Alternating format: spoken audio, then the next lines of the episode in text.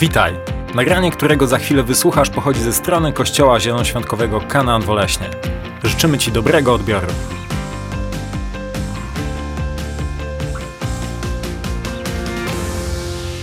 Dobrze. Ogłosiłem wczoraj na naszej grupie, może widziałeś, może nie widziałeś, że wygłoszę dzisiaj najlepsze kazanie, czy najbardziej, jak to ja to nazwałem? Najważniejsze, tak, bez dwóch zdań będzie to najważniejsze kazanie w moim życiu. E, nie z tego względu, że. Jed, może tak, chociaż chyba najważniejsze. Miałem, miałem w głowie kazanie przez cały tydzień. To tak jest z Panem Bogiem, że masz w głowie kazanie a, na temat czegoś, co się nazywa Shadow Mission, czyli misja Twojego cienia. I myślałem, że to będę głosił, i przygotowałem się do tego, i nagle w piątek czuję, że Duch Święty do mnie mówi radykalnie że nie będziesz o tym teraz głosił. Że będziesz głosił teraz o czymś innym. I zacząłem słuchać Pana Boga i, i wiem, o czym mam głosić. Wiem, o czym mam głosić, wiem, że jest to dla ciebie ważniejsze niż myślisz. Wiecie, my jako ludzie, którzy mają jakąś nutkę charyzmatyczności, wiem, że niektórzy z nas wróciliśmy teraz z konferencji proroczej, super, że byliście, że, że doświadczaliście tego wszystkiego, chwała Bogu, ale my bardzo często myślimy, że w naszym chrześcijaństwie to jest istota wszystkiego. Boża moc, proroctwa, uzdrowienia, uwolnienia, że to jest jakby najważniejsza rzecz na świecie. Chcę Ci coś powiedzieć, to wcale nie jest najważniejsza rzecz na świecie. Te rzeczy są niesamowicie istotne. One nie, to, to, to, nie jest tak, że albo to, albo to. Potrzebujemy Bożej mocy, potrzebujemy Bożego działania, ale z drugiej strony potrzebujemy zrozumieć, że my żyjemy w zwyczajnym, normalnym świecie z bardzo skomplikowanymi ludźmi. Chciałem dzisiaj, kochani, mówić do Was z perspektywy biblijnej na temat rozwiązywania konfliktów biblijny sposób rozwiązywania konfliktów i odbudowanie relacji, które straciłeś. Szkoda, że w szkole mój, mój syn, który jest teraz w siódmej klasie, oni tam mają różnego rodzaju e, przedmioty. Wychowanie do życia w rodzinie, e, jest przysposobienie obronne, jest matematyka, jest język polski, jest język angielski, jest język niemiecki, jest chemia, biologia. To wszystko jest niesamowicie ważne, ale nikt nie wpadł na to, żeby zrobić taki przedmiot, jak nie zwariować w tym świecie. Nikt nie wpadł na taki pomysł, aby uczyć ludzi małżeństwa. Nikt nie wpadł na taki sposób, na taki pomysł, aby uczyć ludzi wychowywania dzieci. Nikt nie wpadł na taki pomysł, żeby, żeby nauczyć ludzi przebaczać, aby nie zwariowali. I dzisiaj zupełnie za darmo Spowiem Ci o czymś, co jest niesamowicie istotne. Bo albo jesteś kimś, kto, kto praktykuje, albo jesteś niewolnikiem. Wielu ludzi, wielu chrześcijan tkwi ciągle i ciągle w jednym miejscu. Ze względu na to, że nie potrafią rozwiązywać konfliktów, które są w ich życiu. Nie potrafią tego rozbić. Ciągle siedzą w ciemności, są tam sfochani na kogoś, są na kogoś obrażeni, nie pozwala im to w ogóle żyć, nie mają w ogóle radości, chodzą zdenerwowani, bo ciągle, ciągle w ich sercu jest nieprzebaczenie, jest zgorzknienie i oni tak siedzą. I mają jakąś taką swoją małą grupkę ludzi, którzy również są sfochani którzy również są zgorzkniali bardzo często na ten sam obiekt, jak oni sami. To wszystko się przyciąga. Ja chciałbym dzisiaj Wam powiedzieć, jak możesz żyć w wolności. Jak możesz żyć w wolności i budować zdrowe relacje. Dlatego, że jeśli nie nauczysz się budować zdrowych relacji, to jeśli jesteś rodzicem, to zostawiasz dziedzictwo swoim dzieciom, o Panie Boże, który, że z nimi będzie jeszcze gorzej niż z tobą. Chcesz się dowiedzieć, jak budować relacje? Chcesz, się chcesz, chcesz nauczyć się, w jaki sposób rozwiązywać konflikty? Ja miałem dosyć ciekawy tydzień. W zeszłą niedzielę otwieraliśmy kolejny kościół jako 700 miast w Jaworznie. Wróciłem do domu i nagle w poniedziałek rano dowiaduję się o czymś, co ktoś, kto był moim przyjacielem, jest moim przyjacielem, zrobił coś względem mnie, jakby wziął nóż, wbił mi w serce, albo nie, bardziej w plecy. Ja byłem w szoku, co się stało w ogóle. Mówię, Panie Boże, dlaczego tak? To jest nielogiczne. Ta sytuacja skwasiła innych ludzi, którzy akurat byli świadkami tego. Ja byłem w totalnym szoku, dlaczego to się stało. I moje myślenie od poniedziałku, poniedziałek, wtorek, środa, to była złość, to była chęć zemsty. Myślałem o tym człowieku, który wbił mi nóż w serce. Myślałem, żeby po prostu, nie wiem, życzyłem mu no nie najlepiej. Ale miałem już przygotowane kazanie. Miałem już kazanie na temat shadow mission, na temat misji cienia w naszym życiu, także wszystko fajnie. Przyjdę w piątek, powiem, w, w niedzielę wszystko fajnie. I w tym momencie Duch Święty zaczął badać moje serce. Tydzień temu ktoś wbił nóż w moje plecy. Dzisiaj jestem w miejscu, kiedy Bóg dał mi łaskę, że będę mógł spotkać się z tą osobą niedługo i będę mógł odbudować relację, która ma potencjał tego, żeby, żebyśmy już nigdy w życiu nie mieli żadnej relacji ze sobą. Wiecie, ja w moim życiu mam dosyć dużo relacji. Mam 5 tysięcy znajomych na Facebooku i to podobno się już leczy. Bo ja tych ludzi w ogóle nie znam. I wyskakuje mi każdego dnia 15 jakichś ludzi, którzy mają urodziny. Ja pierwszy raz patrzę na te imiona, nazwiska, ja w ogóle nie wiem, kto to jest. Ale to są moi znajomi. To, to, to jest jakaś ściema. Ale mam 5 tysięcy takich ludzi. Mam mnóstwo znajomych poza tym kościołem, Mnóstwo, naprawdę. Znam bardzo dużo ludzi, mam mnóstwo relacji, mam mnóstwo numerów telefonów wbitych w mój telefon i każdego dnia mój kontakt z ludźmi to, to jest naprawdę potężny przestrzał. Wielu ludzi. Wielu ludzi. I w tym wszystkim, jeśli ja nie nauczę się rozwiązywać konfliktów, jeśli ja nie nauczę się zarządzać mądrze moimi relacjami, to ja to wszystko stracę a sam się zakwaszę. A sam stanę się małym człowiekiem, który będzie siedział w swojej zakwaszonej, małej grupce ludzi, która będzie miała jednego wspólnego wroga, którym być może będę ja, być może będzie ktoś inny, i tak będę siedział, i tak będziemy sobie żyć w, takim, w takiej bańce, i tak będziemy sobie funkcjonować, nie rozumiejąc tego, że to, w czym my jesteśmy, to jest klatka, którą zbudował diabeł. A więc porozmawiajmy na temat tego, w jaki sposób rozwiązywać konflikty w mądry sposób. To kazanie nie ma sensu, jeśli nic z tym nie zrobisz. Ty już wiesz za dużo. Dzisiaj dowiesz się więcej, ale musisz coś z tym zrobić. Nierozwiązany konflikt ma potężny potencjał w rękach diabła, aby niszczyć Twoje życie. Nie masz pojęcia, jak potężny potencjał jest w rękach diabła na każdy nierozwiązany konflikt. A więc zacznijmy od początku. Dlaczego potrzebujemy rozwiązywać konflikty? Po pierwsze, musimy zrozumieć, że wszyscy, wszyscy jesteśmy niedoskonałymi ludźmi. Wszyscy. Każdy z nas jest niedoskonałym człowiekiem. Jak to powiedział pewien lekarz, mówi: Nie ma zdrowych pacjentów, są tylko źle zdiagnozowani. My wszyscy jesteśmy niedoskonałymi ludźmi. My wszyscy Mamy problemy, my wszyscy mamy słabości, mamy silne strony, ale wszyscy, nie ma ani jednego wyjątku, jesteśmy ludźmi, którzy zmagają się z wieloma rzeczami, które są grzechem, które niszczą innych ludzi, albo jesteśmy tymi, którzy pracują nad zmianą w naszym życiu, ale ciągle i ciągle ta przemiana jeszcze nie następuje. Jesteśmy niedoskonali. Zacznij oddychać. Jesteś niedoskonałym człowiekiem. Ja jestem niedoskonałym człowiekiem. Każdy z nas. To jest pierwsza podstawowa rzecz. Jak z tym się nie zgodzisz, to w sumie możesz iść do domu, za chwilę aniołowie zabiorą cię do nieba, no bo tam jest twoje miejsce. Kazanie na górze to jest pierwsze kazanie w Ewangelii Mateusza, które głosi Chrystus. Ono zaczyna się od rozdziału 5, kończy się w ósmym rozdziale.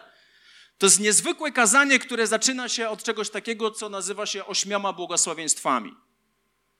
Nie wiem, czy wiesz, ale tam jest podana recepta na to, jak być błogosławionym przez Boga.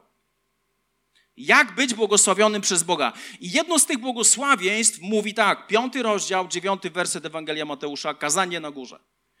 Błogosławieni czyniący pokój, ponieważ oni będą nazwani synami Bożymi. Jak Jezus coś powie, to można w tym się utopić, jeśli chodzi o głębie. Tej głębi będziemy dzisiaj dotykać. Błogosławieni czyniący pokój, ponieważ oni będą nazwani synami Bożymi. Chrystus mówi: Będziesz błogosławiony, jeśli będziesz czynił pokój między innymi ludźmi. Jeśli będziesz tym, który czyni pokój. Czynić pokój nie oznacza unikanie konfliktów. Nie, nie, nie ma o czym gadać. Nie, nie, nie będę o tym gadał. Nie, nie, nie, nie, nie. To nie jest rozwiązywanie konfliktów. To jest unikanie konfliktu. Czynienie pokoju to nie jest powierzchowne załagadzanie konfliktu. O tak, tak, tak jest okay, jest spoko, nie ma co tego dotykać. Nie, nie, czas uzdrowi, uzdrowi e, czas uleczy rany i takie inne rodzaju, innego rodzaju kłamstwa. To nie jest czynienie pokoju. Czynienie pokoju to nie jest również zamiatanie pewnych rzeczy pod dywan i czekanie na to, aż one same się zmienią. To nie jest czynienie pokoju. To jest zupełnie coś innego. To jest ucieczka. To wszystko, o czym mówię, to jest ucieczka. Obecnie na świecie są 22 konflikty zbrojne, które mają skalę międzynarodową. 22 konflikty. To jest sporo. Oczywiście głównym takim konfliktem, który my obserwujemy, który nas dotyka, to jest konflikt pomiędzy Ukrainą, Rosją, pomiędzy Rosją, Unią Europejską, pomiędzy Rosją a Stanami Zjednoczonymi. Nie mówiąc o tych wszystkich wojnach domowych, które toczą się na przykład w krajach afrykańskich. Ciągle i ciągle na tym całym świecie my ciągle i ciągle toczymy jakieś walki. Dlaczego? Bo jesteśmy niedoskonałymi ludźmi. Człowiek w swej naturze ma niedoskonałość. Człowiek w swej naturze nie uczy się tego, jak rozwiązywać konflikty w dobry sposób. Chrystus mówi: Błogosławieni, którzy czynią pokój. Podam Wam trzy powody, dla których powinieneś się zająć tym tematem. Być może już jesteś ofiarą tego, ale Bóg chce Cię dzisiaj z tego wyciągnąć. Pierwsza rzecz jest taka: nierozwiązany konflikt blokuje Twoją relację z Bogiem. Nierozwiązany konflikt blokuje Twoją relację z Bogiem. Jana 4,20. Pierwszy list Jana, czwarty rozdział, 20 werset. Kto twierdzi, że kocha Boga, a jednocześnie nienawidzi swojego brata, kłamie. Baba. Bo kto nie kocha brata, którego widzi, nie może kochać Boga, którego nigdy nie zobaczył. Jak ja kocham Pana Boga, że On nie bawi się w żadne gierki polityczne z nami. On mówi: Nie możesz mówić, że kochasz Boga i jednocześnie nienawidzisz swojego brata. To jest niemożliwe. Coś jest nie tak z tobą. Masz jakąś duchową schizofrenię, jeśli tak funkcjonujesz. Zamyka ci to, zamyka ci to relację z Bogiem. Nie możesz mieć właściwej relacji z Bogiem, jeśli jesteś człowiekiem, który ma nienawiść, który ma nierozwiązany konflikt w swoim sercu względem innych ludzi. To jest bardzo ważne. Druga rzecz jest taka, że nierozwiązany konflikt blokuje, blokuje Twoje odpowiedzi na modlitwę.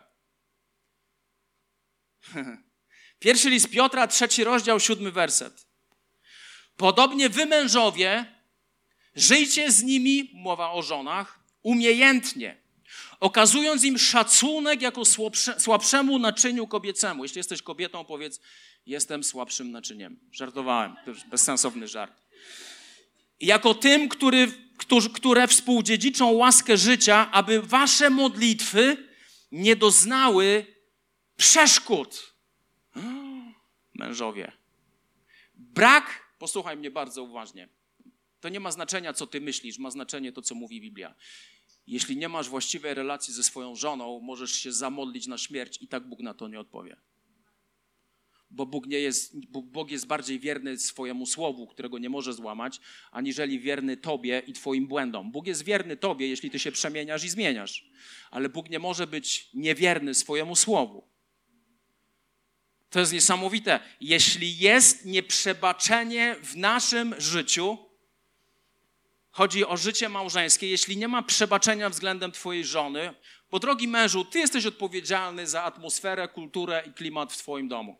To jest Twoja odpowiedzialność. To jest Twoja odpowiedzialność, aby relacja pomiędzy Tobą a Twoją, twoją żoną była dobra. To jest Twoja odpowiedzialność. Możesz się nie, nie zgadzać z tym, nie ma, nie ma znaczenia. To jest Twoja odpowiedzialność. I jeśli nie masz poukładanych relacji ze swoją żoną, możesz się modlić i modlić i modlić, i Bóg na to nigdy nie odpowie. Myślę, że ma to troszkę większe przełożenie. Myślę, że jeśli masz jakąś nienawiść w swoim sercu do kogokolwiek, to powiem Ci o jednej rzeczy. Bóg nie słucha Twoich, nie, nie, słucha twoich modlitw. Jesteś w świecie zbiegów okoliczności. Jesteś w świecie, kiedy jesteś zdany na tak zwany los, bo nie jesteś zdany na Boga. Brak zdrowej relacji z żoną blokuje Twoją modlitwę. Jakuba, trzeci rozdział, osiemnasty werset. Posłuchajcie. A owoc sprawiedliwości jest siany w pokoju przez tych, którzy czynią pokój. To jest niezwykłe słowo, które mówi Jakub. A owoc sprawiedliwości jest siany w pokoju przez tych, którzy czynią pokój. Wszystko, cokolwiek robisz, cokolwiek siejesz, to musisz zrozumieć, że jest takie prawo na naszym świecie, które nazywa się prawem grawitacji, ale ja się z tym nie zgadzam. Okej. Okay. To na pewno ono się zmieni w tym momencie, bo ty się z nim nie zgadzasz. No ono zniknie, bo ty się z nim nie zgadzasz. W Bożym Królestwie i w całym świecie jest takie prawo siania i zbierania. To, co siejesz, będziesz zbierał. Siejesz, siejesz kukurydzę, będziesz zbierał kukurydzę. Siejesz owiec, będziesz zbierał owiec. Siejesz pszenicę, będziesz zbierał pszenicę i tak dalej, i tak dalej, i tak dalej, i tak dalej. Jeśli siejesz pokój, będziesz zbierał pokój. Jeśli siejesz plotki, będziesz zbierał plotki. Jeśli siejesz bunt, będziesz zbierał bunt. Jeśli jesteś hojny, będziesz zbierał hojność. Jeśli siejesz dobre rzeczy, będziesz zbierał dobre rzeczy. Prawo siania i zbierania, powiem ci, to nawet nie ma znaczenia, czy jesteś chrześcijaninem, czy nie jesteś. Będziesz to zbierał. Jeśli siejesz jaką taką relację z Bogiem, że czytasz Biblię raz w tygodniu, jeśli siejesz takie dziadostwo w swoim życiu, będziesz musiał to zebrać. Prawo siania i zbierania jest, jest, jest, jest radykalne. A ci, którzy czynią pokój, zbierają owoc sprawiedliwości. Zbierają dobry owoc. Pamiętaj o tej rzeczy. Prawo siania i zbierania tu nie ma wyjątków. I pamiętaj jeszcze jednej rzeczy. Siejąc, zbierasz zawsze więcej niż zasiałeś.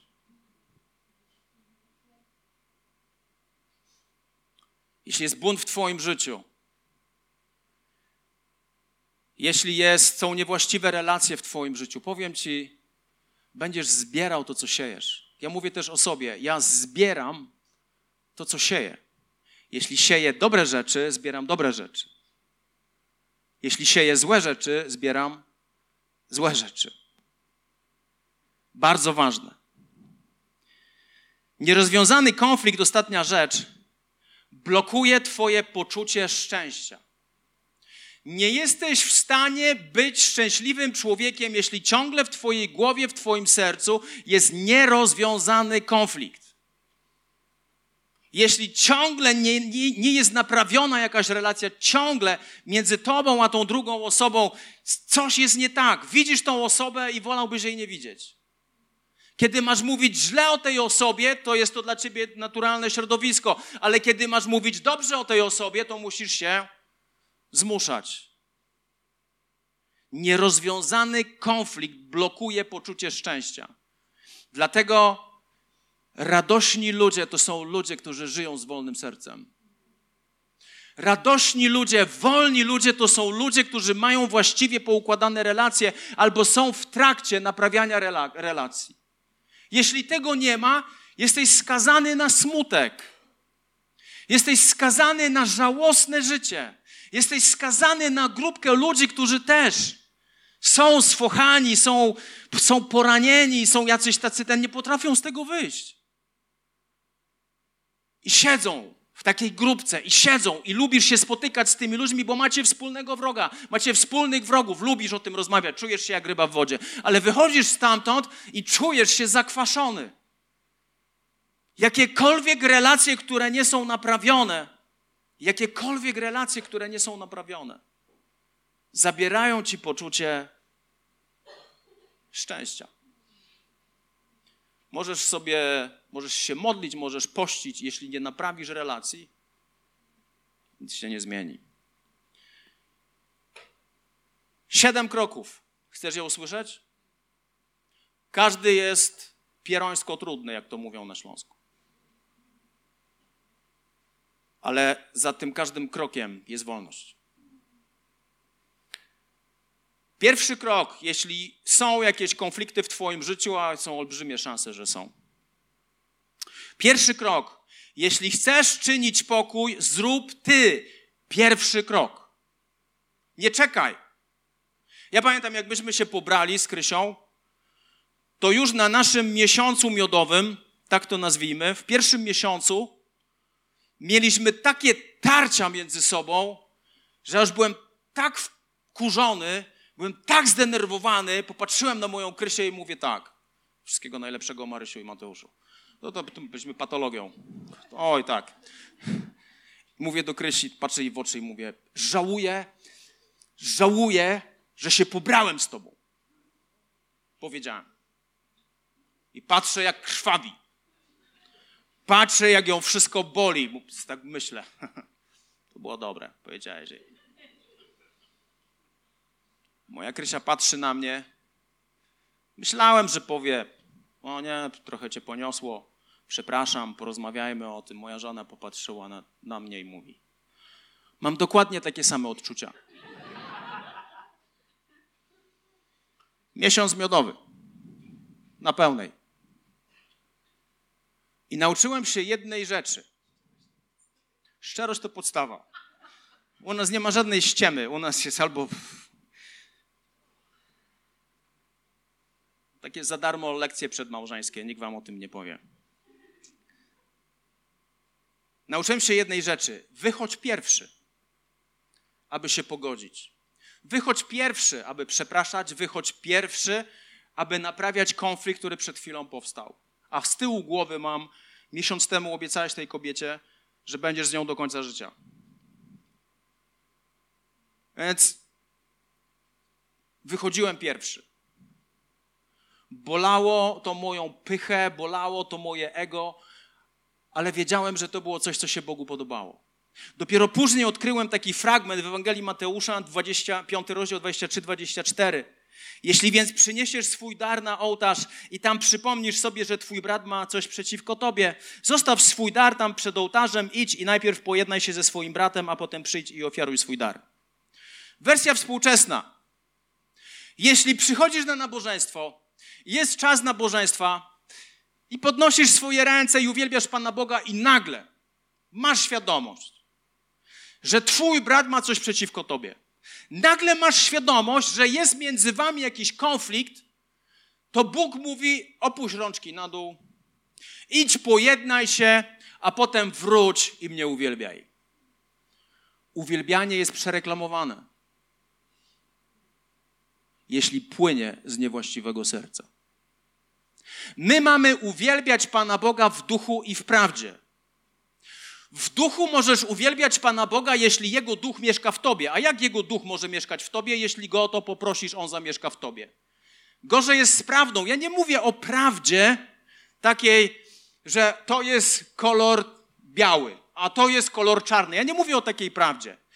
Kiedy mówię o prawdzie, mówię o prawdzie Bożego Słowa. Chwalcy to są ci, którzy podchodzą do Bożego Słowa z potężnym szacunkiem i nawet jeśli mieliby stracić, to wybiorą posłuszeństwo Bożemu Słowu. To jest dla mnie życie w prawdzie. Uwielbiać Pana Boga może każdy. Wiecie, my obecnie w Polsce powstała trzecia szkoła uwielbienia. Panie Boże, trzy szkoły uwielbienia. I mam wrażenie, że z tym całym uwielbieniem, jeśli to nie jest uwielbienie w duchu i w prawdzie, jeśli nasze uwielbienie nie wypływa z czystego serca, pojednanego serca i z Bogiem, i z ludźmi, to to spada od razu za Twoim krzesłem. Ile razy miałem tak, że przychodziłem, modliłem się i zanim zacząłem, zanim po prostu zaśpiewałem Panu Bogu cokolwiek, to Bóg mnie uciszał nie dlatego, że mu się nie podobał mój wokal, co byłoby usprawiedliwiony przy, przez, przez tak obiektywnie, ale Bóg mówi, ja nie chcę. Bo Bóg jest osobą. Powiem wam, to jest trochę tak samo, jakbyś miał niesamo... jak pokłóciłeś się ze swoją żoną, pokłóciłeś się z nią na maksa. Pokłóciłeś się, cały dzień po prostu na pinki, a wieczorem chcesz mieć romantyczny czas. Stuknij się w głowę. I to tak poważnie. Intymność wynika z właściwych relacji.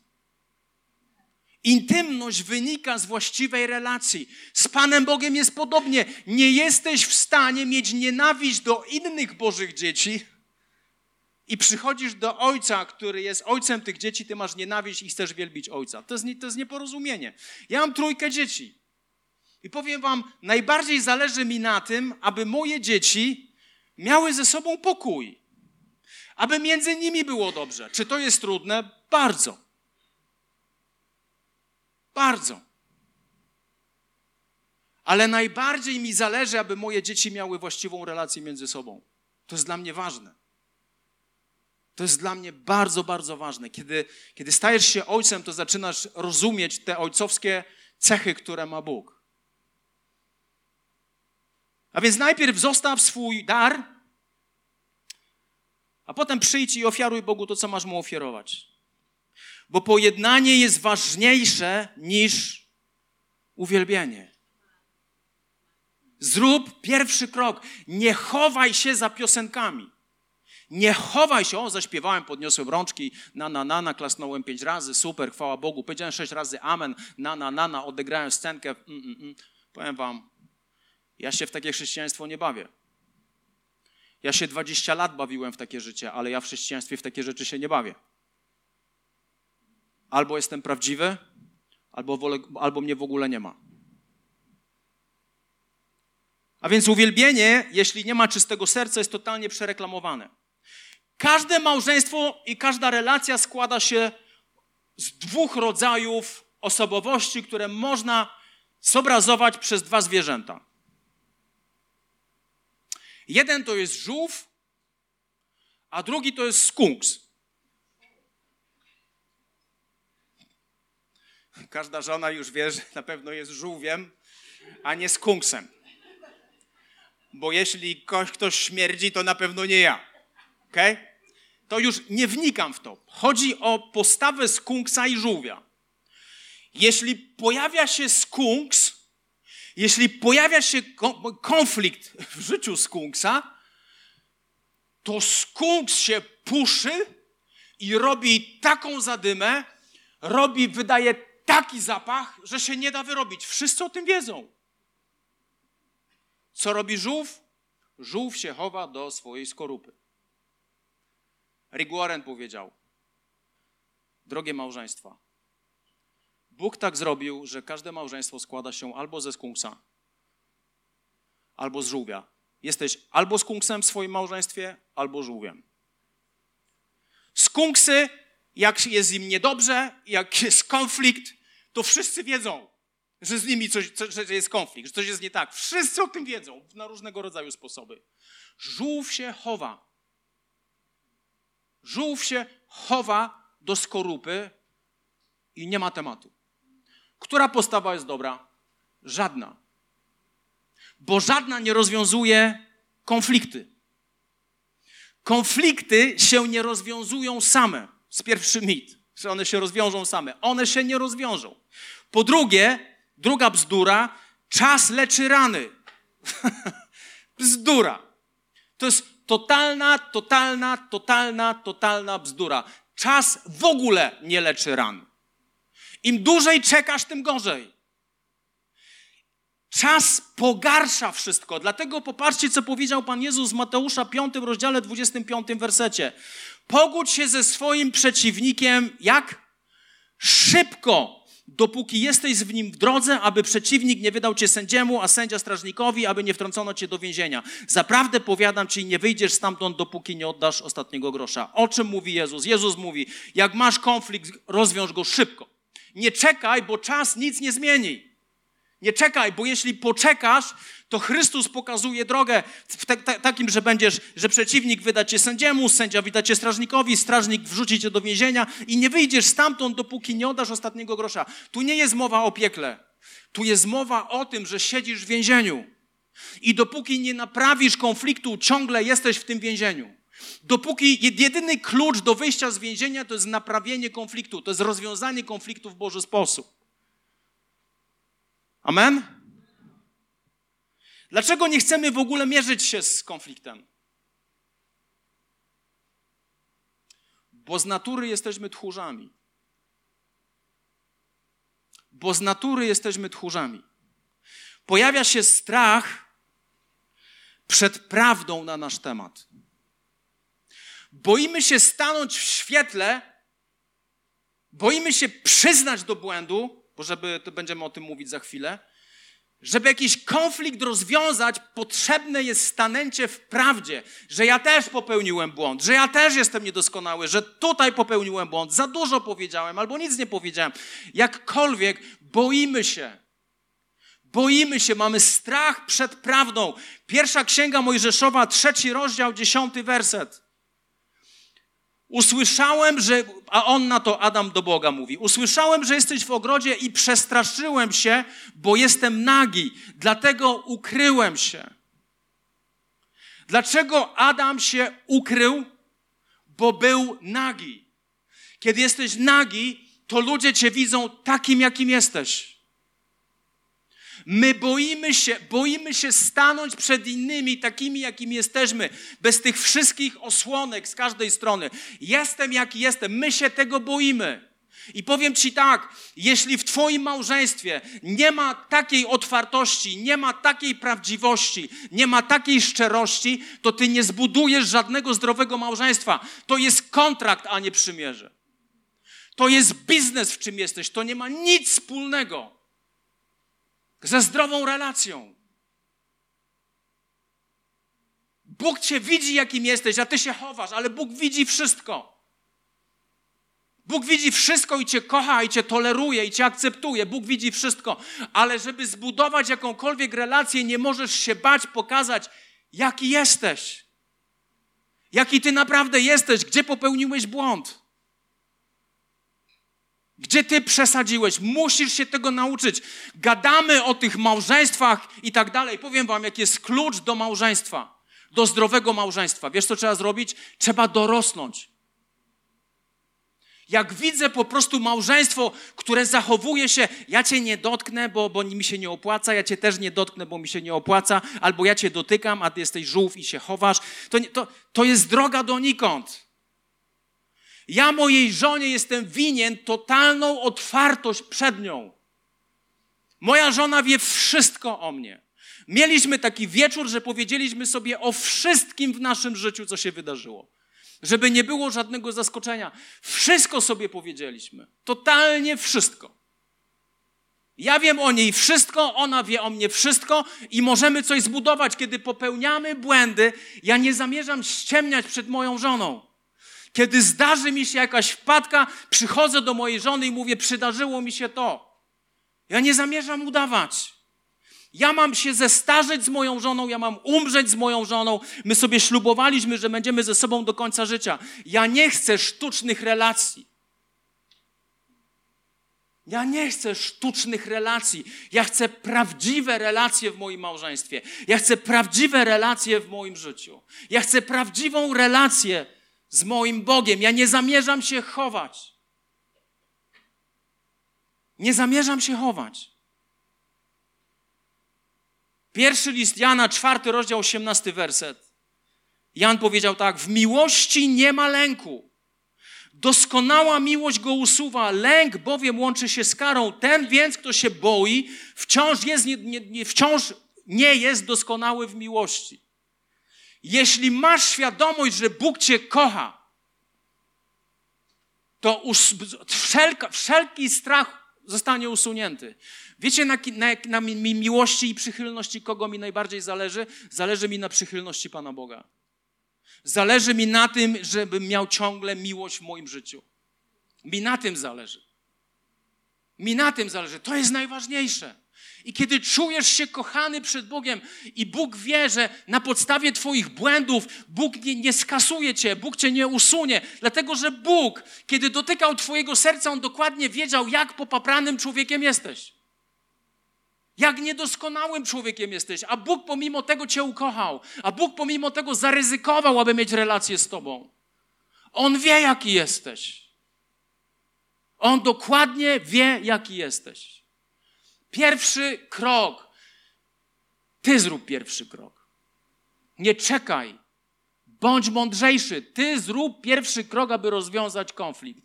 Jeśli tego nie zrobisz, to nie mamy o czym gadać. Druga rzecz. Proś Boga o mądrość. Proś Boga o mądrość.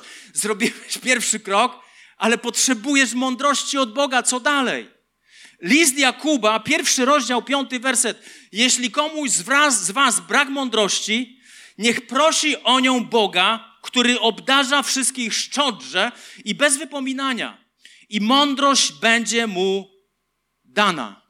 Potrzebujesz mądrości od Boga. Potrzebujesz mądrości od Boga. Co więcej, Bóg ci obiecuje, że jeśli będziesz go prosił o mądrość, on ci ją da. On ci powie, jak naprawić ten konflikt. On ci powie, co masz zrobić. Ale proś Boga o mądrość. Bądź człowiekiem, który, który modli się do Boga, Boże, kiedy ja mam zrobić ten pierwszy krok? Niech to będzie właściwy czas, niech to będzie właściwy moment, niech to będzie właściwe miejsce. Nigdy nie załatwiaj trudnych rzeczy z innymi kolegami albo koleżankami. Jak załatwiasz konflikt, próbujesz naprawiać konflikt twarzą w twarz drugą osobą. Twarzą w twarz drugą osobą. Nigdy tego nie rób, kiedy ta osoba jest zmęczona, bo to nic nie da. Jej poziom frustracji, jej poziom drażliwości wychodzi z jej zmęczenia fizycznego. Nic z tego nie będzie. Miej właściwy czas, właściwe miejsce i właściwy moment. Proś Boga o mądrość. Zrób pierwszy krok. Proś Boga o mądrość. I kiedy już się spotkasz? To jest klucz. Zacznij od swojego błędu. Bo w każdym konflikcie, prawie każdy konflikt to jest współwina. Tylko człowiek pyszny myśli, że on nie jest winien w tym konflikcie. Ja mówię o normalnych sytuacjach, ja nie mówię o na, na przykład, nie mówię o agresji Rosji na Ukrainę. Ja tutaj Rosja zaatakowała Ukrainę. Ja nie mówię o Niemczech, które, o Niemcach, które zaatakowały Polskę w 1939. Ja nie mówię o takich sytuacjach, ja mówię o naszym życiu. W każdym konflikcie, w każdym konflikcie ty możesz być człowiekiem, który 99% ma racji, ale jest zawsze ten 1%, kiedy ty nie masz racji. W każdym konflikcie zaczynaj od swojego błędu. Od swojego błędu. To jest pokora. Zacząć od swojego błędu. Spotkajmy się, to powiem ci, co myślę o tobie. Okej, okay, to, to, to nie. Powiem ci, lepiej się nie spotykaj i lepiej nic nie mów. Musisz doprowadzić swoje serce do takiego miejsca, że będziesz w stanie się uniżyć przed drugą osobą i przyznać się do swojego błędu. Zacznij od tego, aby przyznać się do swojego błędu, dlatego że są dwa powody konfliktu. Pierwszy powód konfliktu jest to jest nasz egoizm i bycie wypełnionym sobą. Jeśli jesteś pełen siebie, to bardzo łatwo cię zranić. Jeśli jesteś człowiekiem totalnie non-stop skupionym na sobie, to bardzo łatwo cię zranić. Jeśli egoizm w Twoim życiu przeważa, to bardzo łatwo Cię zranić. Ale jeśli jesteś pełen Pana Boga, jeśli jesteś pełen Ducha Świętego, jeśli masz z Nim relację, to zawsze w Twoim sercu Bóg będzie Cię prowadził do tego, abyś naprawił ten konflikt, abyś pojednał się z drugą osobą i będziesz człowiekiem, którego będzie trudno zranić. Będzie trudno zranić i będziesz dążył, aby doszło do pojednania. Czyli egoizm i bycie wypełnionym sobą to jest, to jest jeden z głównych powodów konfliktu. Drugi powód konfliktu, naszego konfliktu, to jest to, że jesteśmy pyszni. Za dużo myślimy o sobie. Ja patrzę na moje konflikty, ja po prostu za dużo myślę o sobie. Za dużo myślę o sobie. I zawsze, kiedy widziałem moje różnego rodzaju konflikty, kiedy widziałem różnego rodzaju sytuacje, to kiedy byłem człowiekiem, który najpierw zaczynał od tego, w jaki sposób ja popełniłem błąd w tej relacji, pojawiało się rozbrojenie całego napięcia. Drugi człowiek się otwierał nade, nad, przede mną i widział, że mi zależy. Ale jeśli jesteś pyszny, jeśli trzymasz się, że ty masz w 99% rację, skup się na tym jednym procencie, gdzie nie masz racji, gdzie ty popełniłeś błąd. Na tym się skup. To wymaga pokory, prawdziwej pokory. Pokora rozbraja każdy konflikt, a pycha jeszcze bardziej go umacnia. Jest takie magiczne słowo, może tak, Księga Przysłów, 13 rozdział, 10 werset. Spór powstaje tylko dzięki pysze, a mądrość jest przy tych, co przyjmują radę. Spór powstaje tylko dzięki czemu? Dzięki pysze.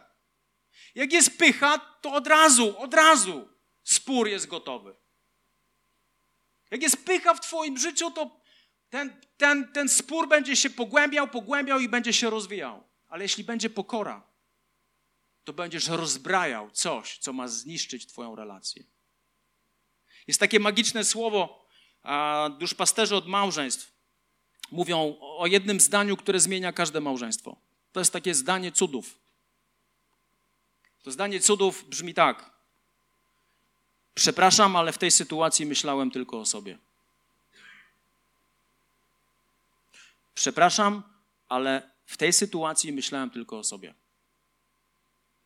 Jak powiesz to swojej żonie, to po tym, jak ona już ze zemdlenia powstanie i będzie już. będziesz mógł z nią rozmawiać, to to zdanie ma moc odmienić każdą, każdą relację. Każdą relację. Przepraszam, ale w tej sytuacji myślałem, myślałam tylko o sobie. Kochani, w naszym życiu jest mnóstwo, mnóstwo, Amerykanie to nazywają blind spots. To są takie czarne punkty w naszym charakterze, których my nie widzimy. Których my nie widzimy. W moim życiu są dwie osoby, to nie są osoby z tego kościoła, to są osoby, które gdzieś tam, gdzie indziej mieszkają, którym dałem prawo do tego, aby mówiły o każdym błędzie, o każdym niewłaściwym moim zachowaniu. Mają prawo do tego, aby powiedzieć mi, co chcą. To są ludzie, z którymi ja rozmawiałem, to są ludzie, gdzie mamy układ, że jestem na to otwarty, że ja się nie obrażę, żeby zwracali mi uwagę na moje blind spots, na moje takie czarne punkty w moim życiu. Wiecie dlaczego? Bo ja chcę dobiec do końca. Bo ja chcę wypełnić całkowicie Bożą wolę dla mojego życia. Ja chcę być coraz lepszy dla ludzi, coraz lepszy dla mojej żony, coraz lepszy dla moich dzieci i niestety coraz lepszy dla moich wnuków. Kwestia czasu. Teraz się bardziej ekscytujecie wnukami niż tym, że macie czarne punkty w swoim życiu. Ewangelia Mateusza, siódmy rozdział, wersetu 3 do 5. A czemu widzisz źdźbło wokół swojego brata, a na belkę, która jest w twoim oku, nie zwracasz uwagi? Albo jak możesz mówić swojemu bratu, pozwól, że wyjmę źdźbło z twojego oka, gdy belka jest w twoim oku? Obłudniku, wyjmij najpierw belkę ze swojego oka, a wtedy przejrzysz, aby wyjąć źdźbło z oka twojego brata. to jest poczucie humoru Pana Jezusa. Hebrajskie poczucie humoru polegało na tym, że, na, że osoba, która mówiła o czymkolwiek, wyolbrzymiała dany problem. I Chrystus w kazaniu na górze kilkakrotnie używa poczucia humoru. Mówi, jak możesz mówić, aby ktoś tam wyjął po prostu źdźbło ze swojego oka? Jak możesz tak mówić? Najpierw, chłopie, to sobie wyjmij belkę ze swojego oka. Myślisz, że bogaty może wejść do Królestwa Bożego? Szybciej wielbłąd przejdzie przez ucho igielne, niż bogaty wejdzie do Królestwa Bożego. Ucho igielne to nie jest żadna, e, to nie jest żaden pomnik, to nie jest żadna budowla w Izraelu. Nie, to była przenośnia Pana Jezusa. Chrystus bardzo często używał przenośni. To takiej hiperboli, aby coś powiększyć, aby to wyśmiać. Widzisz, ty musisz na początku zająć się sobą. Popatrz na swoje życie i przyznaj się tej drugiej osobie o, tym two, o Twoim błędzie. Naucz się tego. Ja powiem Wam, jest jedna grupa ludzi, z, którym, z którymi nie da się mieć relacji. To są ludzie, którzy wszystko zawsze wiedzą najlepiej i którzy nigdy nie popełniają błędów. Nie ma szans. Ale jeśli jesteś człowiekiem, który widzi swoje błędy, widzi te czarne punkty w swoim życiu, jesteś w stanie się do nich przyznawać, Bóg będzie jednoczył Twoją relację, abyś wyszedł z więzienia, w którym jesteś. Czwarta rzecz. Kiedy już zrobisz pierwszy krok, kiedy już prosisz Boga o mądrość, kiedy już przyznasz się do swojego błędu, to nadchodzi moment, kiedy słuchasz ich zranienia i słuchasz ich perspektywy. Nie przez przypadek Bóg dał ci jeden język i dwoje uszu. Nie przez przypadek. Bóg bardziej chce, abyś słuchał, aniżeli mówił. Jeśli bardziej słuchasz w relacji jakiejkolwiek, jeśli bardziej słuchasz, dajesz swojemu osobie, która mówi do ciebie, dajesz jej niesamowity dar uwagi, że ona może mówić do ciebie, a ty tego słuchasz. Posłuchaj, jaka jest perspektywa tej osoby, dlaczego ona się zachowała w taki sposób, albo dlaczego ona zrobiła to, co zrobiła. Słuchaj, zrozum perspektywę, zrozum jej przeszłość. A być może ona pochodzi z jakiegoś miejsca, gdzie jej ojciec na przykład bił ją dniami i nocami. A być może ta osoba pochodzi z miejsca, gdzie była wykorzystywana seksualnie, a być może wychodzi z czegoś, że miała jakąś traumę. Nigdy nie wiesz. Wsłuchaj się w ból. Nie bądź ignorantem, posłuchaj czyjejś perspektywy. Słuchaj. Bo kiedy zrozumiesz czyjąś perspektywę, to będzie ci łatwiej. Będzie ci łatwiej przebaczyć, będzie ci łatwiej zrozumieć. Zranieni ludzie ranią. Ja Wam powiem, że jeśli my jesteśmy zranieni, to Ty naturalnie będziesz ranił innych. Będziesz defensywny. Będziesz trzymał dystans. Będziesz z ludźmi rozmawiał w taki sposób, nie rozmawiajmy o tym. Nie rozmawiajmy o tym. Nie, nie, już, ty już taki jesteś. Ty już taka jesteś. Nie rozmawiajmy o tym. Będziesz uciekał. Będziesz uciekał, uciekał, uciekał i będziesz żył w takim więzieniu. Ponieważ ktoś kiedyś cię zranił. Albo nawet ta osoba cię zraniła. I niebezpieczeństwo zranienia polega na tym, że zranieni ludzie ranią. Z drugiej strony ludzie, którzy są pełni miłości, będą kochać drugą osobę bezwarunkowo. Ludzie pełni wdzięczności będą mili i uprzejmi względem innych ludzi. Ludzie, którzy doświadczyli niesamowitych rzeczy z Panem Bogiem i będą tego doceniać, to będą ludzie, z którymi będziesz chciał być. To, czego jesteś pełny, będzie emanować ciebie, od, od ciebie. Jakub, znowu pierwszy rozdział, dziewiętnasty werset. Tak więc, moi umiłowani bracia, niech każdy człowiek będzie skory do słuchania, nieskory do mówienia i nieskory do gniewu. Skory do słuchania, nieskory do mówienia. Za dużo mówimy. Non-stop gadamy, ale nie słuchamy. Ale nie słuchamy. Ja miałem taką historię z pewnym człowiekiem, który dzwoni do mnie i mówi, że czegoś bardzo potrzebuje ode mnie i zaczyna wręcz krzyczeć na mnie, że ja czegoś nie zrobiłem. Ja mówię, stary, pół godziny temu zmarł mój tato. No, no, no. I dalej krzyczy na mnie. Jak nie słuchasz innych, jak jesteś tak zaślepiony sobą i nie słuchasz bólu, nie słuchasz tego, co dzieje się w życiu tej osoby, nie słuchasz tego kontekstu, będzie trudno ci zbudować właściwą relację. Skracam to, bo wiem, że jest późno. Piąta rzecz. Mój prawdę, a, mów prawdę, ale z taktem. Efezjan 4:15. Ja kocham takich oszołomów chrześcijan. Ja muszę mówić ci prawdę w miłości, czy cię to boli, czy nie, mnie to nie obchodzi. Ja muszę być prawdziwy. Okej. Okay. To może następnym razem, jak przyjdziesz, to weź tabletki.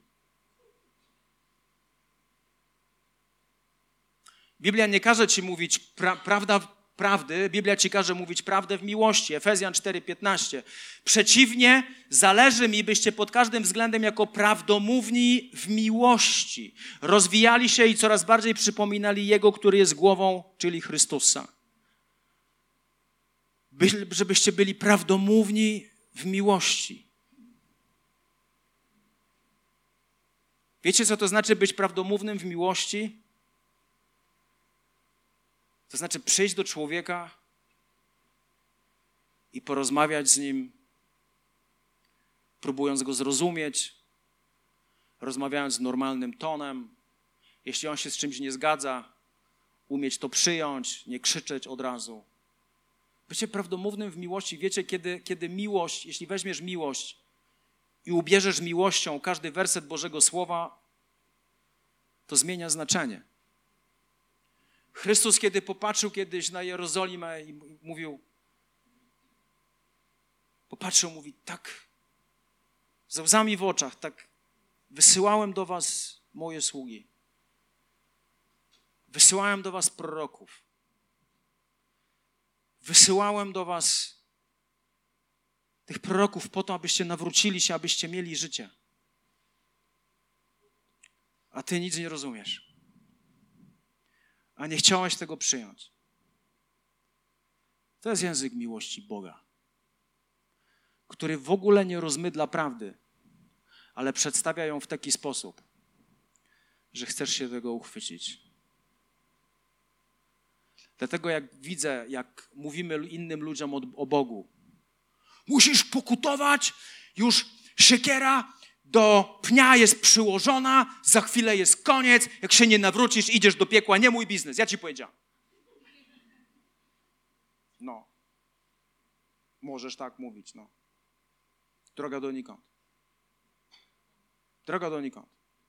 Ja popełniłem każdy błąd w ewangelizacji, jaki byłem w stanie popełnić.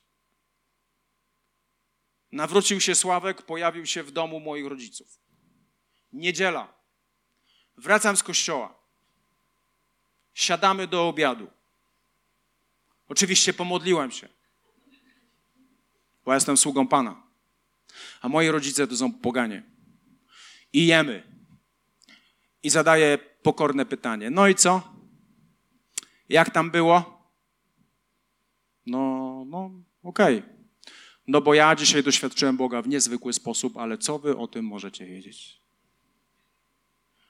Powiem wam, moja Ewangelia polegała na tym, że to jest cud, że moja mama tu siedzi.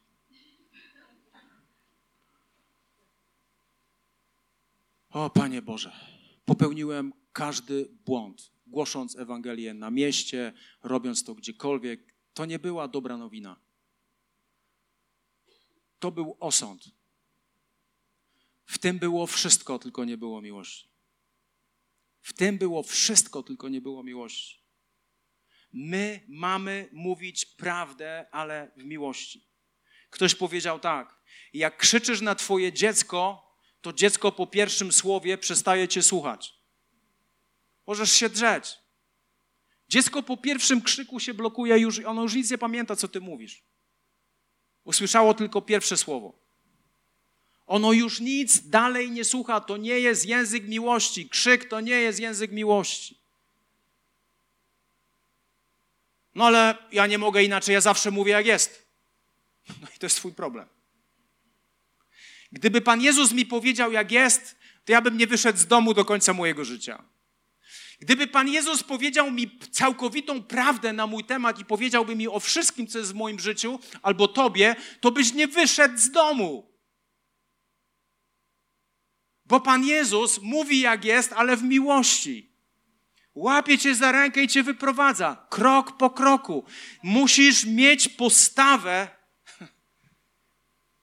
musisz mówić do ludzi w miłości. Wiecie, co jest ciekawe? Że jak wybuchła zimna wojna, czy ta wojna pomiędzy Stanami Zjednoczonymi i, i Związkiem Radzieckim, oni po pewnym czasie podjęli decyzję, że rezygnują z wszelkiej broni, która może zniszczyć cały świat. Rezygnują z broni nuklearnej, rezygnują z broni masowego rażenia. Oni, oni, oni podjęli decyzję, że nie będą tego robić. Jak było, to ja nie wiem, czy zrezygnowali, czy nie. Jakkolwiek podjęli taką decyzję.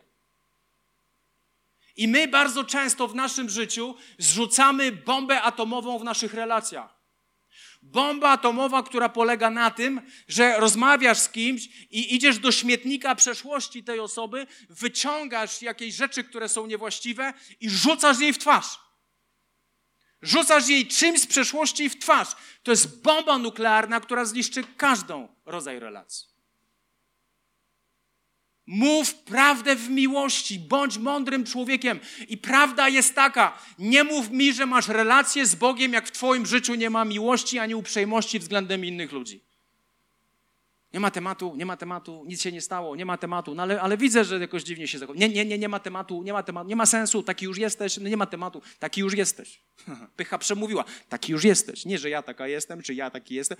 Nie, taki już jesteś w miłości. Ostatnia rzecz, przedostatnia rzecz. Przepraszam Was, że to tak długo trwa, ale nie ma sensu tego kończyć teraz. Popatrz na osobę po prawej stronie i powiedz, nie ma sensu tego kończyć teraz. Dobrze, dobrze zrozumiałem, nie skończę. Szósta rzecz. Atakuj problem, a nie osobę. Atakuj problem, a nie osobę. List do Kolosan, trzeci rozdział, wersety od 7 do 8. Dawniej, gdy się do nich zaliczaliście, jest mowa o ludziach, którzy nie znali Boga, wasze postępowanie było podobne. Teraz jednak odrzućcie to wszystko. Gniew, porywczość, złość, oszczerstwo, obraźliwe wypowiedzi. Paweł mówi, odrzuć to wszystko. Skup się na problemie, a nie na osobie. Skup się na problemie. To, że ktoś się głupio zachował, nie oznacza, że jest głupi. To, że ktoś się chamsko zachował, nie oznacza, że jest hamem. W języku angielskim jest takie rozróżnienie. W języku polskim oczywiście nie ma, no bo po co? You are being stupid oznacza, że zachowałeś się w głupi sposób. A you are stupid to znaczy, że jesteś głupi. Potężna różnica. Naucz się takiego rozróżnienia że zachowałeś się w głupi sposób, zachowałeś się w niewłaściwy sposób, ale to nie jest Twoja tożsamość. Ale to nie jest Twoja tożsamość. Bo jeśli nazwiesz kogoś głupim, to cokolwiek wyjdzie z jego ust jest głupie. Cokolwiek wyjdzie z jego ust będzie głupie i bezsensowne, jeśli nazywasz go głupim. Bądź, bądź człowiekiem, który naprawia problem Dotykaj problemu. Ja z moją żoną odkryłem już po tylu kłótniach, że mamy pewne schematy, kiedy reagujemy, jak reagujemy. Ale nie chce mi się już reagować, nie chcę atakować mojej żony, tylko atakuję problem. Dlaczego tak jest, jak jest. I siódma, ostatnia rzecz. Skup się na pojednaniu, a nie rozwiązaniu problemu. Co to oznacza? Nie musisz mieć takiego samego zdania jak ja, żebyśmy mieli rozwiązany konflikt. Ja nie muszę mieć takiego samego zdania, takiej samej opinii jak ty, ale możemy mieć rozwiązany konflikt. Możemy unikać pewnych rzeczy. Możemy ich nie dotykać. Kiedy patrzysz na wiele rzeczy w chrześcijaństwie, je, ja uważam, że Bóg chce zawsze uzdrawiać, a są tacy, którzy uważają, że wcale nie. O, jak ty nie uważasz, że Bóg nie chce zawsze uzdrawiać, to jesteś głupi i pożałowania godzien. Jagieła przemówił. To nie o to chodzi. Pozwól mu mieć swoje zdanie. Pozwól ludziom mieć swoje zdanie. Pozwól ludziom, aby oni myśleli tak, jak oni dzisiaj chcą. Twoja racja nie jest ważniejsza niż drugi człowiek. Zawsze na kazaniach ślubnych mówię historię, jak przechodzi sąsiad w brązowym sweterku. Krysia, widziałaś, jaki sąsiad miał brązowy sweterek? Nie, to nie był brązowy, to był beżowy. Krysia, to był brązowy sweter. Nie, nie, to, to był beżowy. Krysia, to był brązowy sweter. Co ty jest? Myślisz, że jestem takim debilem, takim daltonistą, że ja nie widzę, że to był brązowy sweterek? Ty mi wkręca, że był beżowy, kochanie. Wiesz, że rozróżniasz pięć kolorów? O, o, pięć kolorów, ja pewnie głupi jestem, daltonista, tempak, pięć kolorów, jasne, nie widzę, o, o, to, to ściany są żółte, a nie białe. Co ty mi wkręcasz? Jakie znaczenie ma brązowy sweterek? On tylko obnaża moją głupotę. On tylko obnaża moje chore podejście. Jakie to ma znaczenie, czy sąsiad miał brązowy sweterek, czy beżowy sweterek? O, ja, ja, ja uważam, że o, mm, nie, tak być nie może. Jeśli Twoja opinia Cię definiuje, jeśli Twoja opinia to jesteś cały Ty, to życzę Ci powodzenia. Naucz się. Nauczyłem się bardziej cenić ludzką relację z kimś, niż to, co ta osoba myśli na jakiś temat, z którym ja się mogę nie zgadzać. Bo Chrystus powiedział: Szczęśliwi, niosący pokój, gdyż oni będą nazwani synami Boga. I teraz dochodzimy do meritum sprawy. Biblia nie mówi, że szczęśliwi ci, którzy niosą pokój, bo oni będą nazwani dziećmi Bożymi. Biblia mówi, że ci, którzy niosą pokój, są synami Bożymi. Bo właśnie dzieci są żółwiami, są skunksami, unikają konfliktu, nie rozwiązują konfliktu, uciekają od konfliktu, zawsze wiedzą wszystko najlepiej, nie ma w nich pokory, jest mnóstwo pychy. To są dzieci. Boże dzieci, ale niedojrzałe. A Chrystus mówi, że ci, którzy czynią pokój, to oni są nazwani synami Boga. Ja nie chcę być chłopczykiem Pana Boga. Ja nie chcę być synusiem Pana Boga. Ja chcę być synem. Bo ojciec ufa synowi. Bo syn zna ojca. Bo syn jest w stanie odrzucić swoje racje, bo chce się podobać ojcu. Kościoły są pełne dzieci.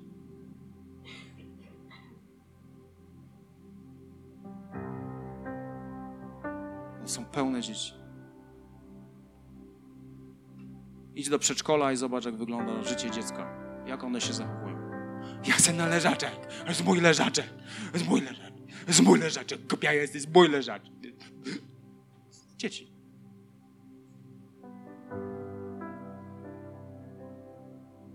Jedna rzecz zmieniła moje podejście do Boga radykalnie. Kiedy wiedziałem, jak Bóg do mnie mówi, synu, ja poważnie o Tobie myślę. Ja poważnie o Tobie myślę. Ja mam poważne plany odnośnie Ciebie. I będę Cię poważnie traktował. Ja chcę być traktowany przez Boga poważnie. Ja nie chcę być traktowany przez Pana Boga jako chłopczyk, który ciągle woła o swoje.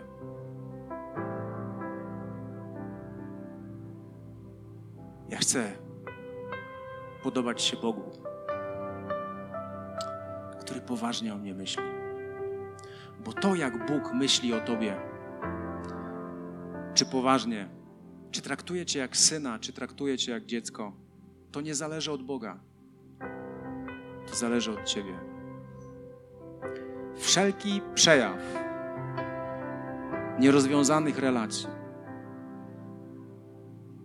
wszelki przejaw nierozwiązanych relacji pokazuje moją dziecinadę. Ja za tydzień jadę na synod kościoła, gdzie będzie 200, ponad 200 pastorów. I na tym synodzie mam kilka bardzo ważnych spotkań. Bardzo ważnych spotkań. Z ludźmi, z którymi muszę naprawić relacje. I od jutra, od jutra do czwartku zamierzam pościć, szukać Boga, szukać Jego mądrości. Abym za tydzień wrócił jako człowiek, który naprawił relacje. Który przeszedł przez te wszystkie siedem kroków we właściwy sposób, bo nie można mówić o czymś, czym się samemu nie żyje. Ci, którzy czynią pokój, będą nazwani synami Boga.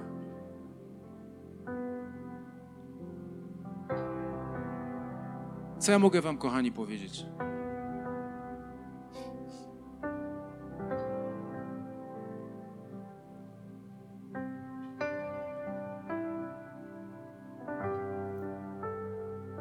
Naprawienie relacji pomiędzy Tobą a drugą osobą będzie Cię kosztować trochę uniżenia, będzie Cię kosztować trochę pokory, będzie Cię kosztować trochę czasu i zaangażowania. Ale powiem Ci, co zrobił Bóg, aby naprawić relacje między Tobą a Nim. Chrystus przyszedł i wiedział, że Ty o własnych siłach nie jesteś w stanie naprawić relacji z Nim. Że Ty o własnych siłach nie jesteś w stanie być zbawiony. Dlatego On przyszedł. Żył przez 33 lata. Ostatnie 3 lata Jego życia to była Jego służba. Uzdrawiał, uwalniał, głosił prawdę o Bożym Królestwie. Nie uczynił żadnego zła, nie uczynił żadnego grzechu, nie uczynił absolutnie niczego. Żył doskonałym, niczego złego. Żył doskonałym życiem. I pod koniec swojego życia ci, których przyszedł On uratować, przybyli Go do krzyża. I ci, którzy przybijali Go do krzyża, nie mieli świadomości, że ta śmierć na krzyżu umożliwi im pojednanie z Bogiem, umożliwi im pokój z Bogiem, bo Chrystus przyniósł, uczynił pokój pomiędzy Bogiem a człowiekiem. Taki jest nasz Bóg.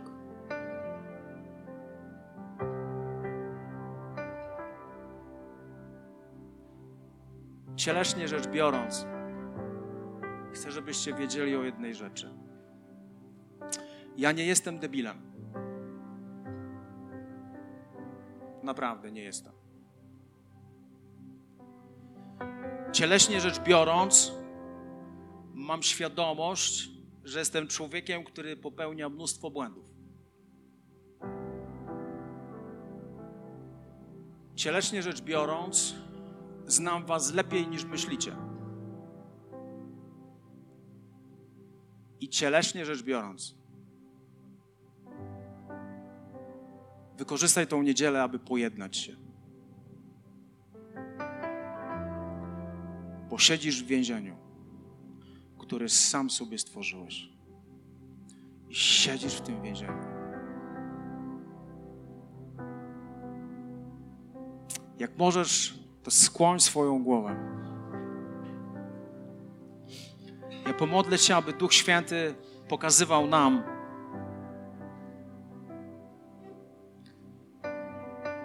konflikty, które są w naszym życiu. Niektóre są widoczne, niektóre są ci dobrze znane, ciągle o nich myślisz. A niektóre są takie rzeczy, być może Duch Święty dotknął Twojego serca, że wiesz, że musisz to naprawić. Duchu Święty, ja modlę się o każdego z nas. Modlę się też o siebie. I proszę Cię, Panie Jezu, aby przyszła Twoja łaska, aby przyszło Twoje objawienie. Abyś pokazywał nam teraz. Abyś pokazywał nam teraz, Duchu Święty. Rzeczy, które są niewłaściwe. Relacje, które są zepsute. Nieprzebaczenie, które jest w naszym życiu. Abyś przyszedł do naszego życia, abyś przekonał nas, Duchu Święty, że mamy stać się ludźmi, którzy czynią pokój. Panie, my chcemy czynić pokój. My chcemy nieść pokój, my chcemy czynić pokój, tak jak Ty przyniosłeś pokój pomiędzy nami a Bogiem. Duchu Święty, mów do nas. Duchu Święty, daj nam odwagę, abyśmy nauczyli się mówić przepraszam, abyśmy nauczyli się, Duchu Święty, bycia pokornymi przed Tobą i przed innymi ludźmi. Abyśmy nie byli obłudni, abyśmy nie śpiewali, abyśmy nie modlili się, Panie, do Ciebie, kiedy nie mamy naprawionych relacji. Przyjdź, Panie, niech Twój pokój przyjdzie do naszego życia. Modlę się też o tych z nas, którzy być może nigdy w życiu nie oddali swojego życia Tobie.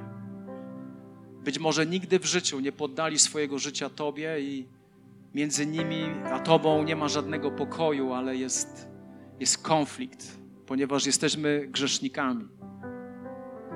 I tylko przyjęcie Ciebie do naszego życia niweluje wrogość między nami.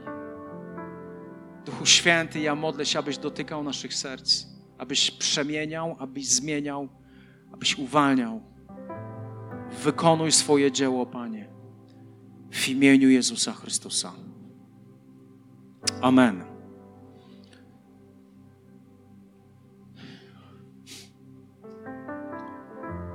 Jeśli nic z tym nie zrobisz, to straciliśmy czas.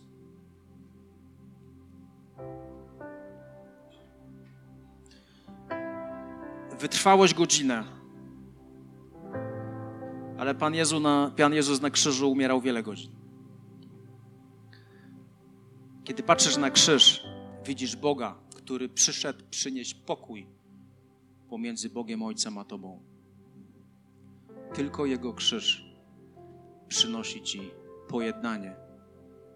Tylko Jego krzyż przynosi Ci wolność. Kochani, dziękuję za Wasz czas. Przepraszam, że zabrałem Wam więcej czasu. Wszystko się jakoś tam przeciągnęło, ale i tak było to lepsze niż rosół i kluski, które czekają Cię w domu.